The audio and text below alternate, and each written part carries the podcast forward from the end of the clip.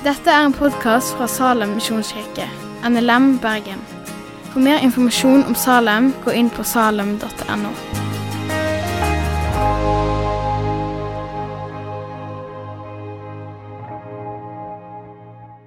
semester start av, og i en liten, kanskje et par uker til.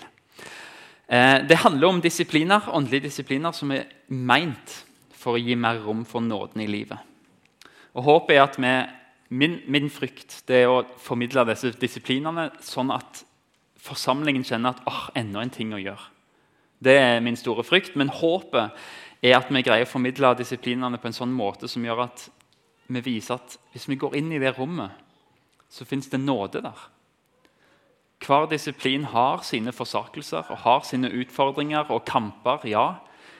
Men det er en kamper på vei inn til vaner og rom der nåden og Den hellige ånd får større plass til å virke i våre liv.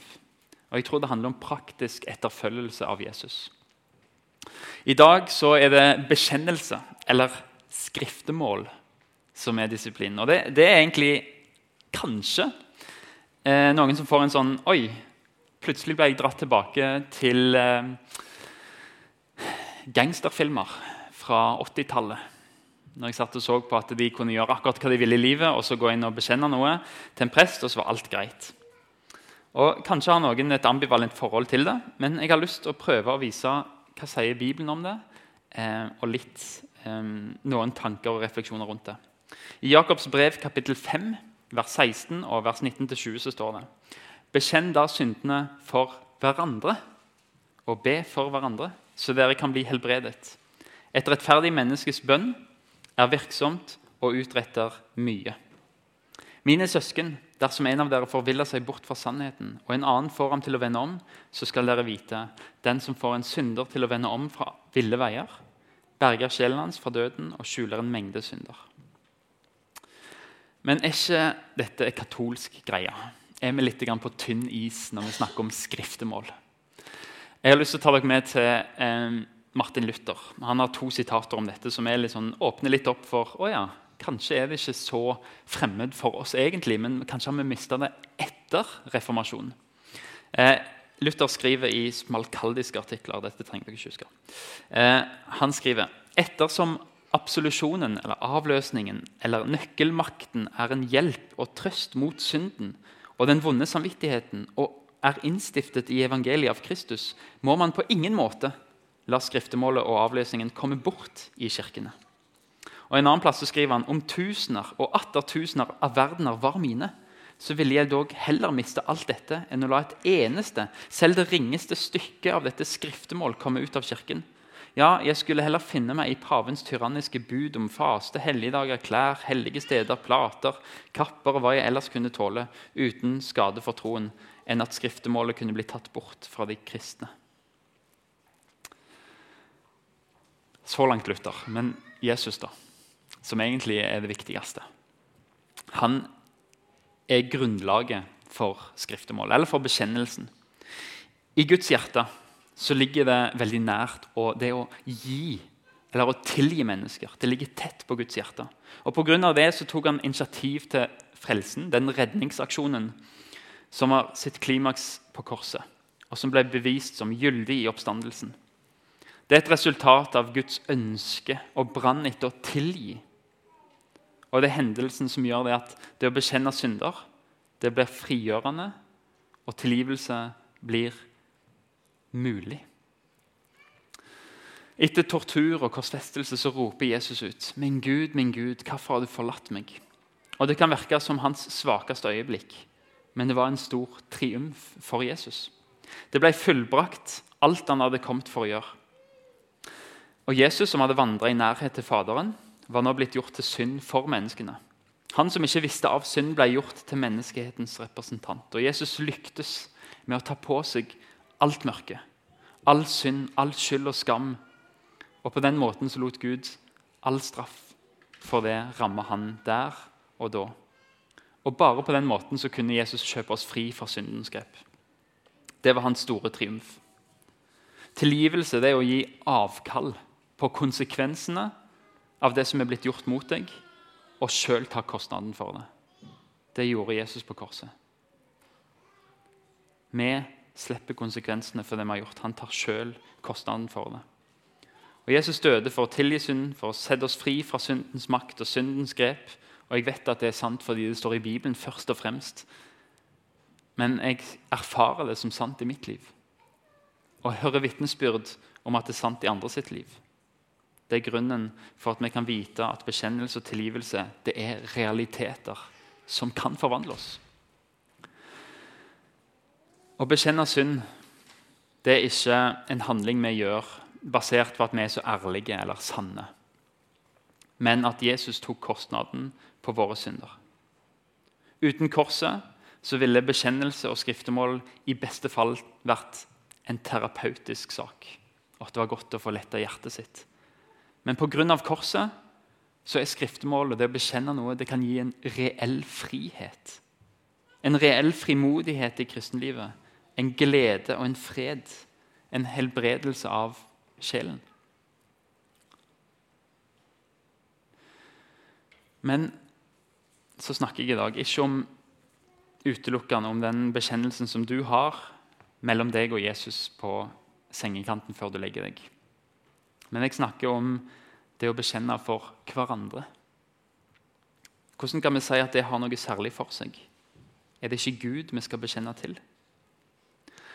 Johannes 20 der står det det var om kvelden samme dag, den første dagen i uken etter oppstandelsen. Dette. Av frykt for jødene hadde disiplene stengt dørene der de var samlet. Da kom Jesus. Han sto midt iblant dem og sa, 'Fred være med dere.' Og Da han hadde sagt det, viste han dem sine hender og sin side. Disiplene ble glade da de så Herren. Igjen sa Jesus til dem, 'Fred være med dere.'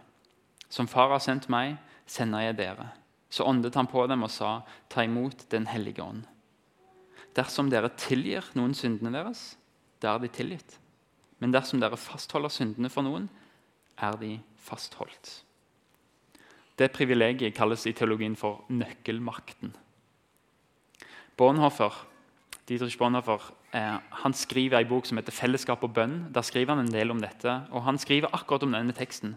Og Han skriver han, altså Jesus ga sine etterfølgere fullmakt til å høre synsbekjennelse og til å tilgi syndene i sitt navn. Vår neste står framfor oss som tegnet på Guds sannhet og nåde. Han har gitt oss til hjelp. Han hører vår synsbekjennelse i Kristi sted, og han tilgir oss våre synder i Kristi navn. Han holder på hemmeligheten i vårt skriftemål, slik som Gud holder på den. Går jeg til min neste for å skrifte, går jeg til Gud. Slik utgår kallet til skriftemål og tilgivelse i det kristne fellesskapet, som til Guds store nåde i menigheten. Jesus gir oss altså mandatet sier at dere skal få lov til å ta imot synsbekjennelse. Og i mitt navn skal dere få si til mennesker at de er tilgitt på grunnlag av det jeg har gjort. Og så gir han oss dette verktøyet for og vi skal se hva det gjør med oss etter hvert. Men først så har jeg lyst til å ha en sånn praktisk veiledning. For jeg ønsker at denne talen skal få være til hjelp i bibelgrupper, i familier, i vennskap, i medvandring, i sjelesorg. Derfor har jeg tatt med en sånn praktisk bit. Så, og Bak her ligger det et ark på det bordet der med, med sprit. Så går det an å sprite hånda si og ta med seg et ark og ha i Bibelen. I tilfelle du skulle ønske å få spørre om noen kan få ta imot din bekjennelse, eller om du skal få være en som tar imot andre sin. Så En praktisk veiledning før vi går videre. Skriftemålet består av to deler. Det ene er at en bekjenner synden, og det andre er at en mottar synstilgivelsen på grunnlag av løftene som er knytta til bekjennelsen i Bibelen. Så kan du spørre ja, men hvem er det jeg skal bekjenne syndene for. For Gud så skal vi få lov til å bekjenne alt. Og det vi gjør som vi ikke merker, den synden som vi ikke vet om, står det om i Bibelen. Men for en annen kristen så skal du få lov til å komme med det som tynger samvittigheten, og det som tar bort freden og det som tar bort frimodigheten din i kristenlivet. Alle kristne kan ta imot en bekjennelse. Men det er ikke alle kristne du bør bekjenne dine synder til. Det er ikke alle som har empatien, forståelsen og tilliten som er nødvendig. Men bekjenn dine synder til en du vet lar være å snakke om det til andre. En du vet reagerer på en sånn måte som gjør at du ikke blir, føler deg forkasta. Eller som bagatelliserer synden din, men en som er åndelig moden nok til det. Vedkommende bør ha kunnskap nok om Bibelen til å kunne oppmuntre deg i troen med bibelske sannheter etterpå. Og så bør det være en som sjøl kjenner prisen med å stå foran en og være ydmyk av seg sjøl og si 'dette har jeg gjort feil'. En som bekjenner sjøl. Det kan være lederskap i menigheten, det kan være i bibelgruppa di, en medvandrer, en sjelesørger, en god venn eller ektefelle, en annen kristen du har tillit til.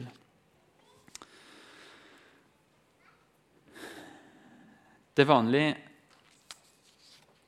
å starte eh, rent praktisk. Så har jeg med noen punkter her som kan brukes, men som ikke må brukes. Eh, en kan starte med å lese 1. Johannes kapittel 1 vers 8. Um, vi kan ta det opp på, på sliden her, Martin. Jeg hopper litt i manus. Det er derfor eh, det er litt vanskelig. Beklager. det er ikke din feil. Um, en kan begynne med å lese 1. Johannes 1, 8. Sier vi at vi ikke har synd, da bedrar vi oss selv, og sannheten er ikke i oss. Der Bibelen konfronterer oss og sier at vi kan ikke komme her og si at vi er syndfrie.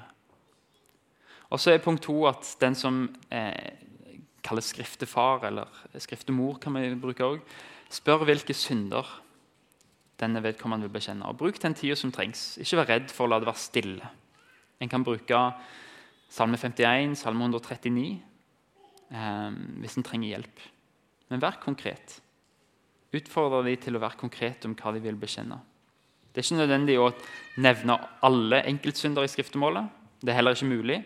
Men de syndene som plager samvittigheten, og som har fått makt. Og Så kan eh, skriftefar eller skriftemor lese Johannes 20, 23. Dersom en, der, dere tilgir noen syndene deres, da er de tilgitt. Dersom dere fastholder syndene for noen, er de fastholdt. Og Så kan de lese salme, nei, 1. Johannes 1, 9. Men dersom vi bekjenner våre synder, er Han trofast og rettferdig, så Han tilgir syndene og renser oss for all urett. Og så kan de si, og dette er de mest frigjørende ordene du kan høre Etter hva Herre Jesu Kristi befaling tilsier jeg deg syndenes forlatelse i Faderens og Sønnens og Den hellige ånds navn. Og be en bønn eller velsignelsen over den som skrifter. En bønn om at de indre sårene som synden har forårsaket, kan få bli helbreda etter korona kan en legge hendene på vedkommende og be om at Gud tar bolig der synden har bodd, og be om helbredelse og fred. Den oppskrifta der kan endres på, selvfølgelig. Det er ingen sånn fast greie her. Men jeg har lyst at du skal høre den sammen med menigheten. Jeg har lyst til at du som sitter her, skal vite at det er flere som har hørt denne oppskriften. Det er flere som vet hvordan vi kan gjøre dette.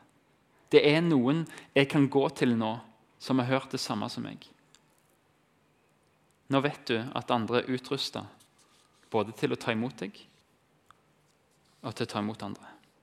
Og Du kan gjerne ta med deg et ark hvis du vil ha det, og legge det i Bibelen din og bruke det ved anledning. Som et ark som er laga til forbederne i Salem Ung, der vi inviterer av og til til at folk kan komme og ta imot eller bekjenne sine synder. Så jeg har lyst til å bare si hvor leder dette skriftemålet oss? For nå har vi sett det praktiske, Men, men hva, hva, skjer når vi står foran en og bekjenner vår synd? For det første så leder skriftemålet oss til korset. Skriftemålet kan være et gjennombrudd til korset. Fordi det å bekjenne noe det krever veldig mye ydmykhet. At du ydmyker deg sjøl. At du egentlig omtrent står der og kler helt av deg og viser at 'dette er meg'. Tar av masken, tar av den ytre fromheten. Det som skjer da, det er at du lar det gamle mennesket dø. Du kler det av deg. Og så sier du dette vil jeg ikke være en del av lenger.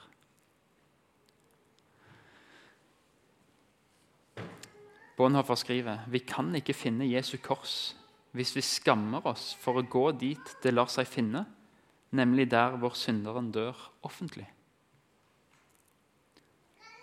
Og Når vi bekjenner, så sier vi ja til vårt eget kors og tar den skammen som synden har kanskje påført oss.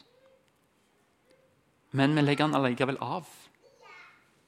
Og så får vi del i tilgivelsen, livet og gleden. Det er veien inn til å ta opp vårt kors. Og det er veien til Jesu kors å se hva han erfarte for vår skyld. Og så er korset veien inn til vissheten. Jeg har lurt på hvorfor er det sånn at det er lettere av og til å bekjenne for Gud mine synder. En hellig Gud som ser alt og er fiende av all ulydighet. Og så kan jeg godt i det stille bare bekjenne for Gud dette har jeg gjort. Og så vet jeg at jeg møter Gud som er hellig. Men min bror, som er like svak som meg, er det vanskelig å bekjenne for. Jeg har spurt kan det hende at jeg narrer meg sjøl når jeg bare bekjenner for meg sjøl. At jeg tilgir meg sjøl og sier at det er ikke så farlig å bagatellisere det sjøl.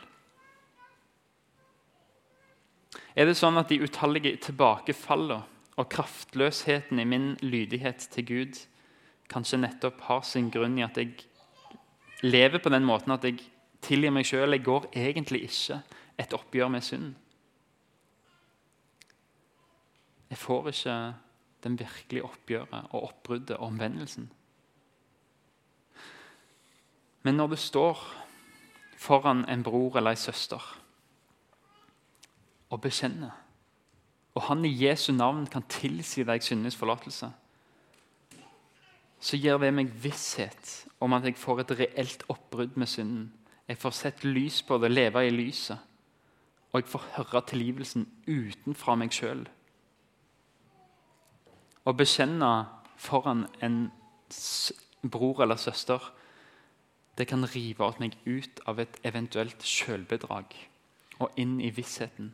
Og Det er nåde det å få bekjenne synder for hverandre. Det er befrielse fra uvisshet, fra frykten som binder oss. Og Jeg tror skriftemålet er gitt oss for å få visshet om Guds tilgivelse. Og Derfor så kan vi leve mer frimodig. Så tror jeg òg at skriftemålet er veien inn til fellesskapet. Inn i fellesskapet. For det med å bekjenne, det er ikke Det er noe vi skal få bekjenne for hverandre og be for hverandre. Det er en vanskelig disiplin, det er en vanskelig øvelse. Og En av grunnene til at det er vanskelig, det er at når jeg ser på dere, så tenker jeg her er det en, en gjeng med kristne som har fått det til. Er det ikke veldig fort gjort å tenke det når du kommer i Salem? Her er det en gjeng som har fått det til. Kristenlivet. Dette er bare helgener som er her. Men det vi må innse, og som vil hjelpe oss inn i fellesskapet, det er å innse at vi er et fellesskap av syndere. Men så føler du allikevel at ja, men andre er kommet så langt foran meg i hellighet. Christian. Jeg føler meg så ensom der jeg stopper opp i mye synd. De andre snakker ikke om dette. Det er jeg som bærer på dette. Og Jeg tror det er noe vår motstander liker, djevelen liker. Det at du er alene i din synd. En løgn vi tror på. En løgn som gjør at vi ikke tør og tror at vi kan komme med vår synd til bibelgruppa vår, til foreningen, til medvandreren vår, til sjelesørger, til forbønnen i Salem eller til en venn. Vi orker ikke speile livet vårt, våre feil og vår synd med en perfekt kristen. Og vi tror at vi er de eneste som ikke har gått noe særlig langt i kristenlivet. Derfor gjemmer vi oss for hverandre og lever skjulte liv.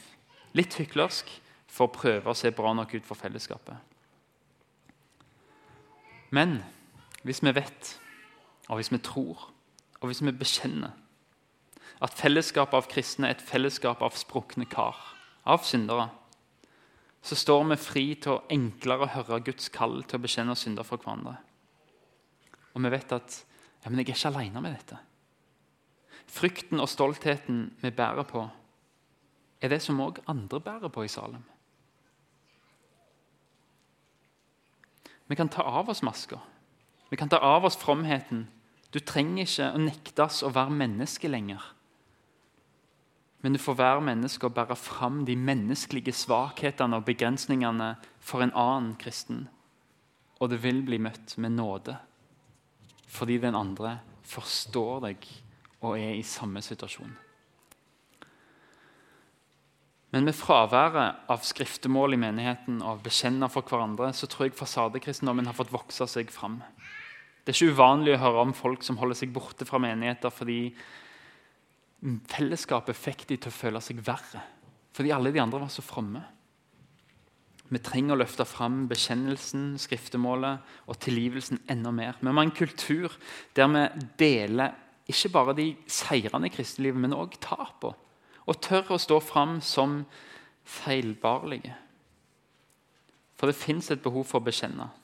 Du kan spørre bartendere rundt omkring i byen. Det fins et behov for å sette ord på det som er vanskelig.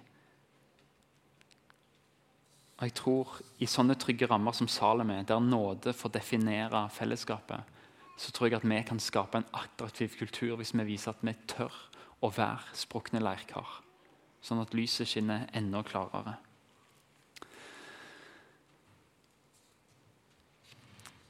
Så tror jeg bekjennelsen er veien inn til nytt liv. Frelse i Bibelen det er det øyeblikket der du tar imot Jesus og blir et Guds barn. Men det er òg en prosess som går gjennom hele livet. Frelse er mer enn himmelbilletten. Paulus formaner oss til å arbeide på vår egen frelse med frykt og beven. Bekjennelse er en av måtene å arbeide på sin egen frelse og til å vokse inn i nåden på. En blir mer kjent med Guds tilgivende nåde og får større tillit til Gud. En bekjennelse er noe som hjelper oss til hele tiden å se at livet vårt kan stadig bli mer lik Jesus. Og jeg skal avta med å kle det av meg og vise det fram og si at jeg vil ikke være med dette. Jeg vil bli ansvarliggjort for denne synden. Jeg vil legge den av meg og jeg vil gå sammen med noen andre. Jeg skal avta, han skal vokse. Og det tror jeg skjer i skriftemål, i bekjennelse. Så det er en som sier at Bekjennelse av onde gjerninger er starten på gode gjerninger. Det er ganske godt sagt. Bekjennelsen av onde gjerninger er starten på gode gjerninger. Vi trenger å avslutte et kapittel for å starte det nye. Det gamle er dødt, så jeg gjør noe nytt. Å være i det, det er omvendelse. Paulus skriver i Titus 2. Der sier han litt om hva som skjer når vi møter nåden. For Guds nåde er blitt åpenbart til frelse for alle mennesker. Den oppdrar oss til å si nei til et ugudelig liv og verdslige lyster og leve forstandig rettskaffent og gudfryktig i den verden som nå er, mens vi venter på vårt salige håp, at vår store Gud og Frelser, Kristus Jesus, skal komme i herlighet. For Kristus ga seg selv for oss, for å løse oss ut fra all urett og rense oss, så vi kan være hans eget folk, som iver gjør gode gjerninger. Nåden oppdrar oss. Når vi møter nåden i bekjennelse og får høre at vi er tilgitt, så det er vi på å oppdra oss og sier det jeg er tilgitt nå, det vil jeg ikke være med på videre. Gå bort og synd ikke mer, sier Jesus. Bekjente synder det kan være en ressurs for fellesskapet, en ressurs for ditt kristenliv. Det er et vitnesbyrd for andre, en vei å gå. Og Samtidig så viser du at jeg vet om noen skjær i sjøen som jeg ikke vil gå på lenger. Og som jeg ikke vil at noen av dere skal gå på lenger. Jeg har det kartet til dette vanskelige terrenget. Jeg kan hjelpe folk å navigere, for jeg er kjent der og bekjenner og sier jeg har gjort denne feilen. Kan jeg få hjelpe noen andre? Bekjente synder er en ressurs. Betyr det at skriftemålet alt dette her, betyr dette at skriftemålet er et påbud? Nei, ikke i det hele tatt. Det er ikke sånn at vi må skrifte, bekjenne for hverandre for å være en kristen. Men det er et tilbud. Det er et tilbud til oss om en hjelp i synden. Det er mulig at noen ved Guds nåde får et gjennombrudd til visshet, til nytt liv og til kors og til fellesskap uten å skrifte. Men det finnes veldig mange vitnesbyrd på at folk får ikke frihet fra syndens makt. De får ikke fred. De blir ikke kvitt dårlig samvittighet og vonde minner før en får bekjente høyt og får høre en stemme som sier 'du er tilgitt'. Og Gud er som faren i lignelsen om den bortkomne sønn. Der sønnen pugger og pugger. 'Gud, jeg har synda, far, jeg har synda mot deg og mot himmelen.' 'Kan jeg få lov til å bare komme og få være en tjener?' i alle fall? Men Gud er faren som står og speider og speider og speider. Og Det er sånn han tar imot oss òg i skriftemålet. Løper oss i møte og tar imot oss og sier 'velkommen hjem'. Velkommen hjem.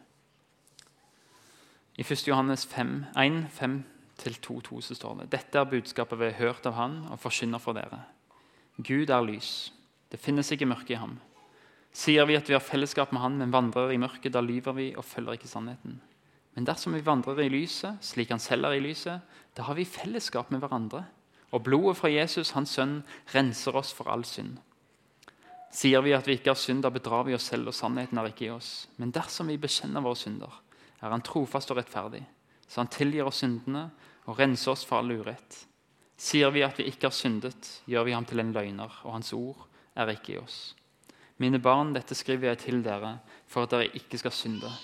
Men om noen synder, har vi en talsmann hos Far, Jesus Kristus den rettferdige. Han er en soning for våre synder, ja, ikke bare for våre, men for hele verdens. Jeg har lyst til å gi dere det verktøyet som er skriftemål. Jeg ønsker ikke at alle skal komme til meg og bekjenne. Det hadde ikke vært sunt for menigheten, tror jeg, at, at jeg hadde fått alle bekjennelsene. Jeg tror vi er kalt til å bekjenne for hverandre. Og Derfor har jeg skrevet ut det arket med liksom praktisk litt kort om hva bekjennelsen sier om det, hva Bibelen sier om det, og noen praktiske tips. Og Jeg ønsker at vi sammen kan få være et fellesskap som tar imot hverandre med nåde. Og så er egentlig dette til syvende og sist ned til den hver enkelte å kjenne kan dette være noe for meg. Kunne det vært frihet i dette? Og Ta kontakt med en du har tillit til, eller ta det med i bibelgrupper og spør kunne vi brukt dette. Kunne vi hatt en kveld der vi, vi bekjenner for hverandre og tør å sette litt ord på det, og på den måten kanskje finne mer fellesskap i dette. Ta det med til en sjelesørger eller en medvandrer eller ektefelle eller en god venn. Og tenk på dette ikke som, ikke som noe vi må gjøre for å være kristne, men som et tilbud som Gud gir oss og sier jeg har så lyst på alle mulige måter å gi deg nåde. Og så er dette en av de. Og så skal vi få lov til å gi tillit til hverandre og til Guds tilgivelse. Bruke det og dermed få se mer av Guds nåde og få vokse i tillit til Han skal vi be sammen. Herre Far, vi takker deg for din store tilgivelse. Og vi takker deg for at du har gjort oss sterkere ved å sette oss i et kristent fellesskap. Der vi kan få bruke hverandre til å peke på det som vi vil slutte med i våre liv, og ansvarliggjøre hverandre. Og Jeg takker deg for at du gir oss ord til å møte bekjennelse med at vi i ditt navn, pga. det du gjorde på korset, kan si at i troen på Jesus er du tilgitt i Jesu Kristi navn. Herre, jeg ber om at dette er et verktøy som vi kan få gjenvinne i vår forsamling. I våre bibelgrupper, i våre vennskap. Jeg ber Herre Far om en frimodighet til å bruke dette. Og visdom til å forvalte dette på en god måte hvis noen spør om de kan få bekjenne noe for oss. Herre far, dette er ikke noe vi kan vedta på et styremøte. Men Helligånd, jeg ber om at du skaper i oss en vilje til å leve i lyset. En kjærlighet til å ta imot hverandre. En tillit til hverandre for å tørre å vise det sprukne karet vi er. Og på den måten styrke fellesskapet og styrke troen og vissheten vår og styrke livet vårt, Jesus. Og vi bekjenner at ingenting av dette ville vært mulig uten at du tok på deg all vår synd. La oss leve i den troen med hverandre herfor. Amen. Takk for at du har hørt på podkasten fra Salem, Bergen. I Salem vil vi vinne, bevare, utruste og sende, til Guds ære. Vi ønsker å se mennesker finne fellesskap, møte Jesus og bli disippelgjort her i Bergen og i resten av verden. Vil du vite mer om oss, gå inn på salem.no.